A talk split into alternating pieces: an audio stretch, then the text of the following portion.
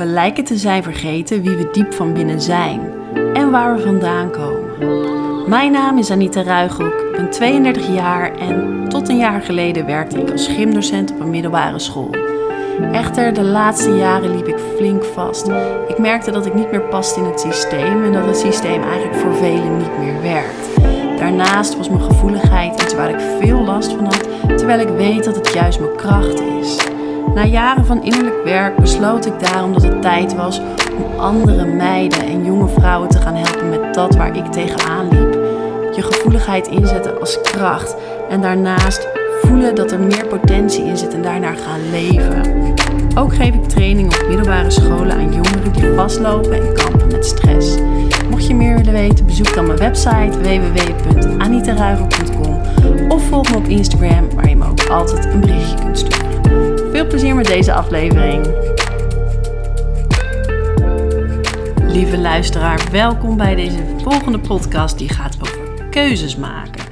En als jij er ook wel eens moeite mee hebt, dan zou ik absoluut deze podcast luisteren. Want ik ga sowieso delen hoe, hoe dat voor mij is, keuzes maken.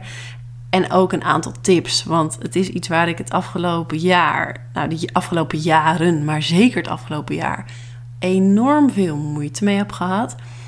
Ik heb ook heel veel keuzes mogen maken.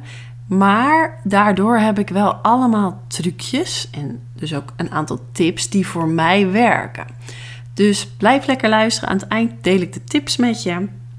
Ehm, maar eerst wil ik even iets meer achtergrond geven over dat keuzes maken. Want afgelopen jaar, zoals je misschien wel weet, als je vaker luistert of als je ook onze gezamenlijke podcast hebt geluisterd, heb ik, ehm, ben ik onder andere heb ik mijn werk opgezegd als gymdocent. Ben officieel gestopt per juni. Uh, ben ik mijn eigen onderneming gestart. Maar alleen daarin al, dat was natuurlijk een hele grote keuze. Want ik werkte daar ondertussen al bijna elf jaar.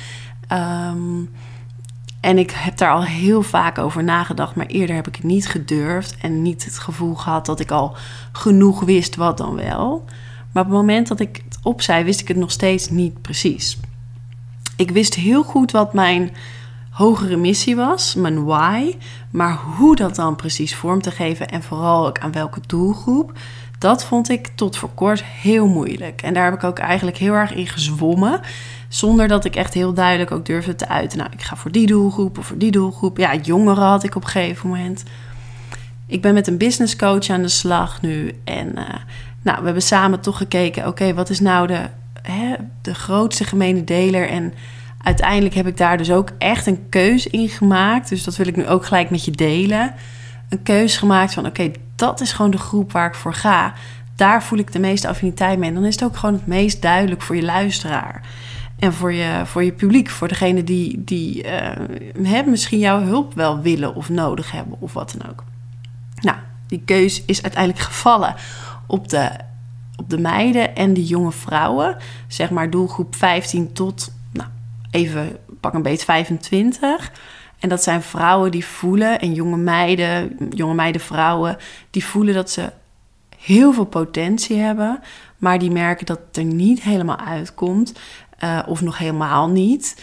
Het zijn vaak ook vrouwen die gevoeliger zijn, meiden die gevoeliger zijn. Dus die, die merken dat de omgeving veel energie kost en dat ze heel veel oppikken, maar daardoor eigenlijk zelf helemaal leeglopen en niet zo goed weten nog hoe, hoe daarmee om te gaan. Maar vooral ook, goh, ik merk dat er zoveel meer in zit, maar hoe krijg ik dat er nou uit?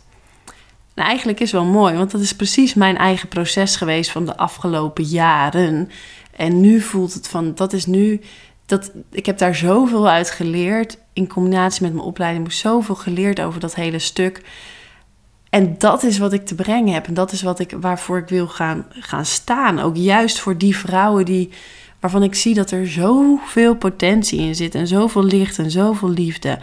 Maar dat het dat we eigenlijk worden klein gehouden, of we, laten, we houden onszelf natuurlijk klein, door de drukte van alle dag, um, door de hectiek in deze maatschappij, door de systemen die um, misschien wat bekrompen zijn, zeker voor mensen die veel groter willen denken dan dat. En um, ja, daar heb ik dus echt een keuze in gemaakt. En daarnaast ook de jongeren op middelbare scholen. Ik ga ook na, na de vakantie die training geven op Dreiland. Training stressmanagement aan de onderbouw, aan de middenbouw en aan de bovenbouw. Dus drie aparte groepen. En daarin, dat is heel grappig, trek ik eigenlijk... Er zitten twee jongens in, nou meer dan welkom in totaal. Maar voor de rest zijn het allemaal meiden. En elke groep is uh, ongeveer acht leerlingen.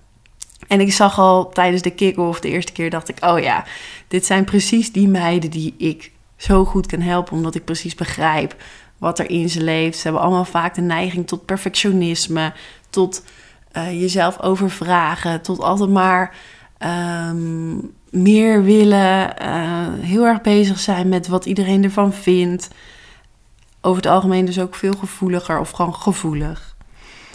Goed, dus dat is alvast een keuze die ik heb gemaakt, onder andere ook in dit jaar.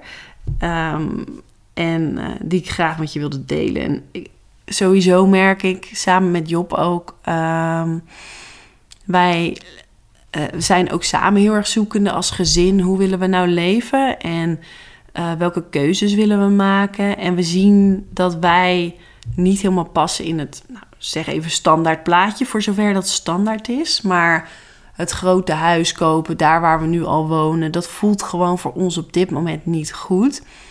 Maar ook daarin zijn we dus heel erg zoekende van oké, maar wat dan wel? Als je buiten de gebaande paden gaat en je voelt dat, dat nou ja, de soort van volgende stap van een groter huis. Wij wonen nu in een fijn appartementje, prima met z'n drietjes. Maar het is ook klein. En we merken van ja, we zijn wel toe aan een volgende stap.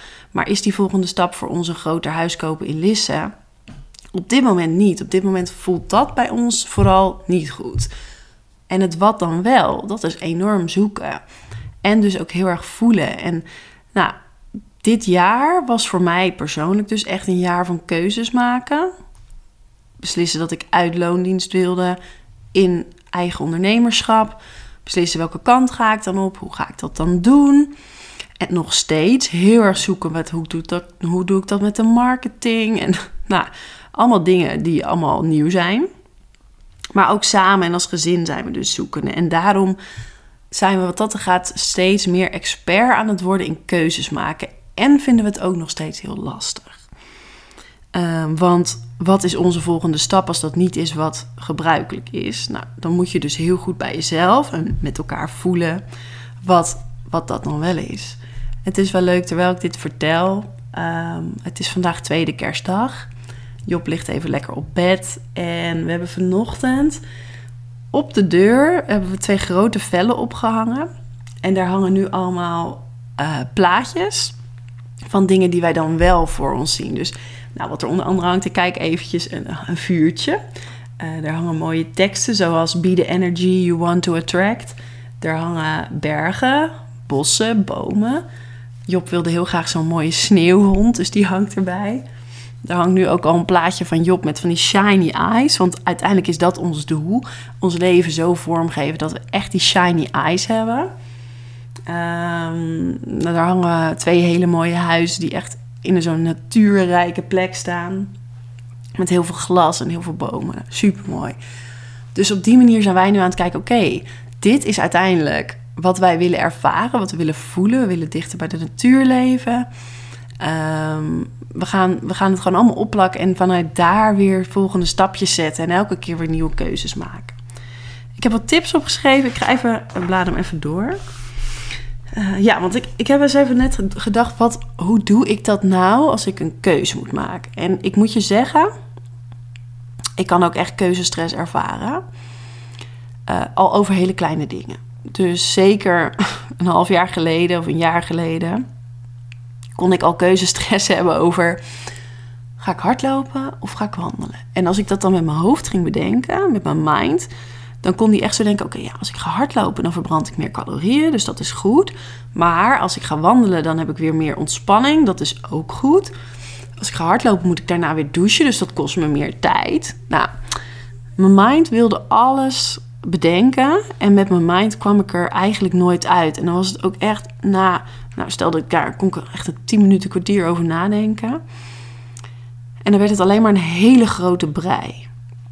En ik merk dat nu ook nou, bijvoorbeeld met die doelgroep, als ik daarover nadacht met mijn hoofd, dan kon ik eigenlijk werd het alleen maar minder duidelijk. Dan ging ik voor's en tegens. Dat is eigenlijk wat we altijd hebben geleerd, hè? Even slokje hoor. we hebben altijd heel erg geleerd. Ehm, wat zijn de voordelen, wat zijn de nadelen? Dus iets heel erg te beredeneren met je hoofd. Maar waar ik dus achter kwam het afgelopen jaar, is dat hoe meer ik het met mijn hoofd probeer te bedenken, hoe meer het eigenlijk een brei werd en hoe meer ik het niet meer overzag. En ik heb dus het afgelopen jaar mezelf getraind in bewuste keuzes maken en daarin echt heel erg voelen. Echt al bijvoorbeeld met een stuk wandelen. Wil ik linksom, wil ik rechtsom? Wil ik in het bos, wil ik door het dorp? En dan even voelen bij mezelf, nou, waar, waar ligt de behoefte? En soms was dat ook echt vermoeiend hoor. Dan dacht ik, ah, dan zit ik weer helemaal na te denken. Of ga ik weer helemaal moeilijk doen over zo'n keuze. Maar daardoor kwam ik er wel steeds beter achter wat ik wanneer voel. En wat dan klopt, zeg maar, en wat niet. Dus mijn eerste tip, of in ieder geval wat voor mij werkt, is om eventjes je mind aan de kant te zetten. En terug te gaan naar je lichaam en proberen te voelen wat je lijf voelt. Voel je het in je hart, dan is het vaak een stuk vertrouwen. En dat betekent als je bij je hart voelt, dan kan iets dus kloppen. Bij mij is het tegenwoordig, als ik het bij mijn hart warm voel dan weet ik dat het klopt. Voel ik het in mijn buik, zo'n beetje zo'n angstig naar gevoel, dan weet ik, hé, hey, ik zit nu iets te bedenken dat komt vanuit angst. Dus ik probeer eigenlijk te voelen, zit het in mijn hoofd of zit het, zit het op het stukje angst, de keuze die ik wil maken, of maak ik een keuze vanuit vertrouwen? Even dat voorbeeld van hardlopen versus wandelen. Stel, ik voel eigenlijk dat mijn lichaam meer behoefte heeft aan wandelen. Maar mijn hoofd zegt, met hardlopen verbrand je meer calorieën. Dan is dat hardlopen eigenlijk een beslissing vanuit angst. En wandelen is een beslissing vanuit vertrouwen. Vertrouwen dat ik genoeg, dat ik heus wel een goed lichaam hou. Ook als ik een keertje minder hard loop. En als ik gewoon lekker ga doen waar ik zin in heb. Snap je? Dus keuzes uit angst zijn meestal door oude overtuigingen van dingen die je altijd zo hebt gedaan. Maar waar je dan opnieuw naar gaat kijken van is dat nog wat ik nu wil doen? Ehm, en vaak is dat ook eigenlijk wel al de afweging tussen hoofd en hart. Mijn hoofd kan denken, mijn mind, mijn ego zegt: ga hardlopen, want dat is beter voor je. En uh, je verbrandt dus meer calorieën en je zet je lichaam gewoon wat beter aan. Maar mijn hart kan eigenlijk zeggen: ja, maar ik heb gewoon veel meer zin om even lekker rustig in het bos te wandelen. En het derde waar ik altijd naar probeer te kijken is: doe ik het voor mezelf of doe ik het voor de ander? En nu is er niks mis met iets voor een ander doen. Maar als je eigenlijk alleen maar keuzes maakt door de ogen van de ander, of doordat je kijkt van maar wat vindt die persoon dan van mij, dan maak je geen keuzes vanuit je eigen bron. Dan maak je geen keuzes vanuit je hart. En wanneer je voor jezelf duidelijk hebt wat jij wilt en je maakt een keuze vanuit jezelf, dan is dat soms heel moeilijk, want mensen kunnen daar wat van vinden. Maar uiteindelijk, door goed voor jezelf te zorgen, zorg je ook best voor de ander. Dus ik probeer er altijd heel erg goed naar te voelen. Oh, Wolf is wakker. Ik zet hem heel even op stop. Ja, zo gaat dat. Helaas niet meer geslapen. Speentje wilde die niet meer. Beetje te kort voor het mooie, maar de mannen zijn even aan de wandel. Vaak wordt hij daar weer wat rustiger van. Want als hij te kort geslapen heeft, wordt hij vaak niet zo blij wakker. Dus uh, ik hoop als ze zo terug zijn dat hij wat meer happy is. Maar kon ik in ieder geval even de podcast afmaken. Want we waren bij een belangrijk stuk. Ik denk misschien wel het belangrijkste stuk. Dat stuk van hoe um, je gaat voelen waar de, waar de keuze op gebaseerd is. En we waren bij het stuk voor kiezen voor de ander of voor jezelf. Um, en als je hier heel eerlijk naar gaat kijken voor jezelf, kom je er waarschijnlijk achter dat je heel vaak een keus maakt voor een ander. Uh, om bijvoorbeeld geaccepteerd te worden. Of om bijvoorbeeld aan verwachtingen te voldoen. Of om voor je gezin het beste te. En, en begrijp me goed, er is niks mis mee. En sterker nog, het is heel logisch. Alleen wat ik denk en wat ik voel, is dat we zo geconditioneerd zijn om altijd maar voor de ander te denken. Dat we daarmee helemaal onszelf wegcijferen en vergeten. En dus niet meer niet meer weten, niet meer voelen wat we zelf eigenlijk willen. Omdat we zo gewend zijn om alleen maar dat te doen wat een ander verwacht, wat een ander wil, wat een ander nodig heeft.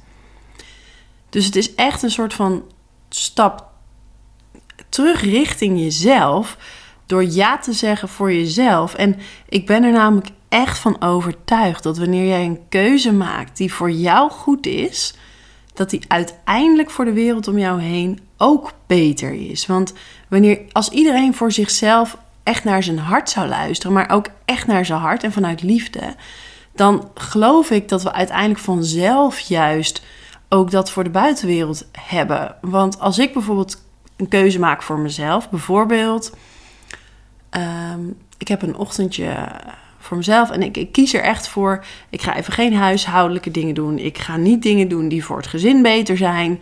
Ik kies ervoor om een paar uurtjes voor mezelf helemaal de tijd te nemen, omdat ik weet dat ik daar een blijer mens van word. En wat is het resultaat? Dat wanneer ik bijvoorbeeld Wolf of Job zie, er weer volledig voor hen kan zijn. Want dan ben ik weer opgeladen. Ik voel me dicht bij mezelf. Ik voel, yes, ik heb even kunnen doen wat ik belangrijk vind. Ik heb aan mezelf gedacht. Ik ben opgeladen. En dan merk ik dus dat ik veel liefdevoller ben naar Job. Veel liefdevoller naar Wolf. Dat ik veel meer aan kan, van ze kan hebben. Omdat ik eerst vanuit die rust bij mezelf ben geweest. En dat is met dit soort dingen, maar het is ook met grotere keuzes. Bijvoorbeeld ook het starten voor mezelf in eigen onderneming. Ehm, dat is ook kiezen voor jezelf. En ook daarin, ik merk soms vind Job het best lastig dat ik, zoals nu, ik wilde dan een podcast opnemen. En hij, hij steunt dat wel, maar het is wel ook van ja, ook de rust en de tijd voor jezelf nemen. Ja, maar ik voel ook dat ik heel fijn vind om dit te delen en om omdat ik hier blij van word. Dus dan is het ook kiezen van ja, ik kan met Job samen op bed gaan liggen, tukkie doen. Maar ik vind het ook heel leuk om dit te doen. En als ik daar een blijer mens van word, dan kan ik dat dus daarna weer toevoegen in het gezin. Want ik ben opgeladen en ik, ik vind het leuk om dit gedaan te hebben. En daardoor is er meer energie in mijn systeem. Wat ik weer met anderen kan delen. En wat voor mij dus heel erg helpt, is dat voelen. Maar ik zeg daarbij, dat is niet altijd even makkelijk. En wat me dan weer helpt, is het visualiseren van de keuzes. Ehm, nou, bijvoorbeeld bij het, stel je wil op reis, je twijfelt tussen, we gaan een vast huis kopen in het dorp waar we nu al wonen, groter huis, bla bla. En je probeert dat voor je te zien en dan echt heel goed te voelen, wat voel ik daar dan bij en, en wat zie ik dan? En je probeert te visualiseren: oké, als ik op reis zou zijn met mijn gezin of met mijn partner of alleen, wat voel ik dan? En wat komt er dan in me los? En het is niet altijd dat dit werkt, maar het kan wel echt bijdragen aan: hey, bij het een voel ik. Bijvoorbeeld bij ons is dat als wij voor ons zien dat we nu een groter huis in Lisse kopen, krijgen we een soort van benauwd gevoel. En dan voelt het heel erg alsof onze kelen op, op slot gaan. Een soort van dat gevoel van help, gevangenisgevoel een reis, dat voelen we nog niet helemaal. Maar leven in de natuur, en dat weten we dus nog niet in welke vorm. Maar dat leven in de natuur, daarvan voelen we allebei heel veel openheid en heel veel stroming bij ons hart. Als we ons dat voorzien, en dan merken we gelijk ook dat onze mind heel snel kan zeggen: ja, maar hoe dan? En in welke vorm dan? En bla bla bla bla. Dus die komt al heel snel om de hoek met Mitsen en Mara. Maar als je die gewoon even kan parkeren en zegt: nee, wacht, ik ga eerst eens voelen waar word ik blij van. En we hebben dat dan nu met dat moodboard zo weergegeven, dat we het echt ook in, in, in plaatjes kunnen zien. Ehm, dan overstijg je eigenlijk die beperkte mind. Dus visualiseren kan helpen om beter te voelen. En met het voelen kijk je vooral naar: voel ik of maak ik een keuze uit angst? Vaak is dat gerelateerd aan wat je mind en aan je hoofd en je ego vindt dat het beste is. Of durf ik een keuze te maken vanuit vertrouwen, die goed voelt in mijn hart. En even checken, kies ik omdat ik het zelf zo voel? Of kies ik omdat het voor de ander beter is? En het kan ook zijn dat dat natuurlijk samen gaat. En heel vaak zal het uiteindelijk, door voor jezelf te kiezen, ook beter zijn voor de ander. Eerlijk is eerlijk, het lukt mij echt niet altijd met elke keus om dat goed te voelen. En ik, heb er, ik ben mezelf er dus heel erg gaan trainen. Dat heeft het afgelopen jaar ook gemaakt dat ik soms heel lang over keuzes deed. Uh, omdat ik het zo goed probeerde te voelen. En dat maakte het af en toe dus ook weer heel erg irritant.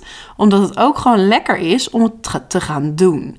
En daar kan ik dus in vervallen en wij ook samen. Dat je zo het voor je wil zien en wil voelen.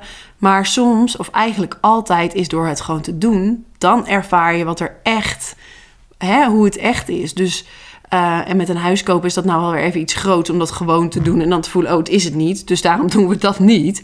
Maar bijvoorbeeld met het kiezen van een doelgroep voor mijn bedrijf.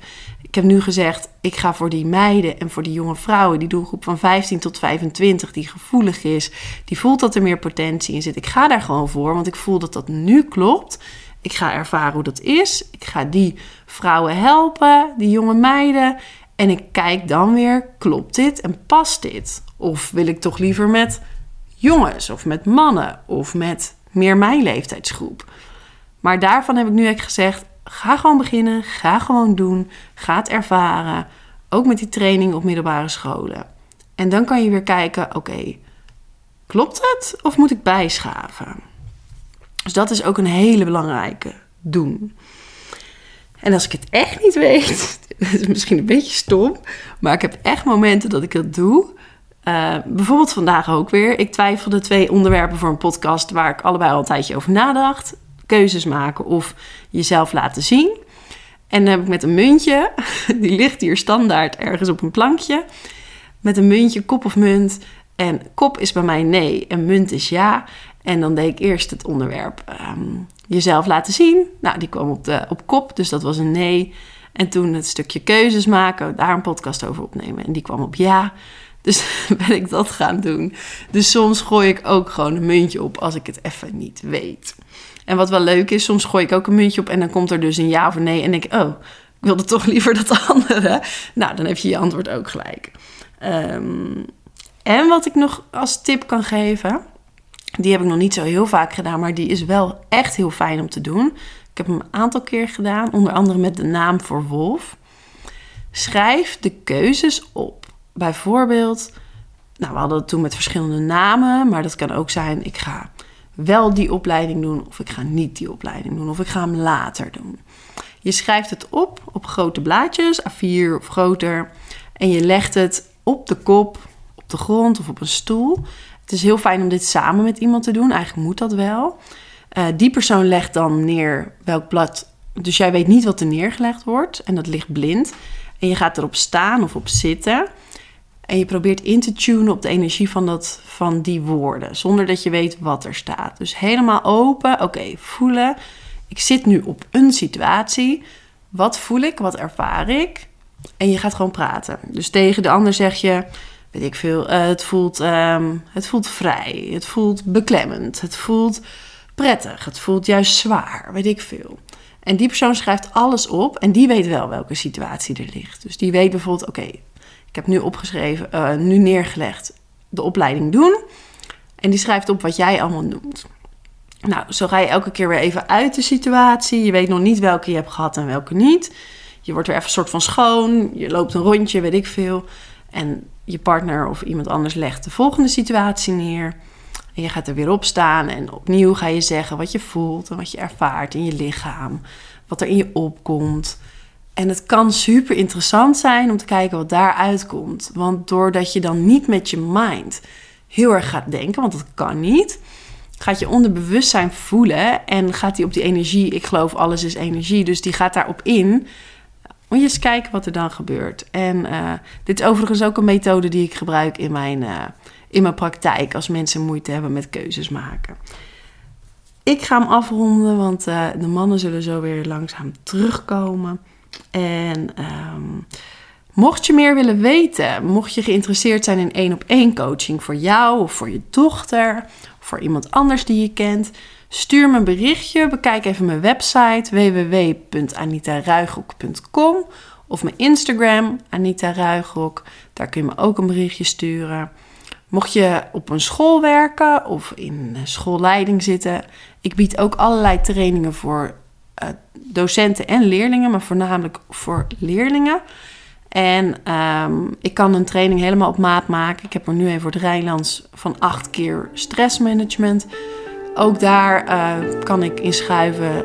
Dus mocht je geïnteresseerd zijn, stuur me een berichtje en dan kunnen we samen kijken naar de mogelijkheden.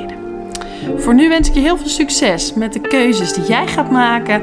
Succes met intunen, met voelen en met muntjes opgooien als je het even niet weet. En neem het ook allemaal niet te zwaar. Probeer het luchtig te zien. Dat is ook een belangrijke voor mezelf en voor jullie. Hele fijne dag en heel veel liefs van mij. Doei doei!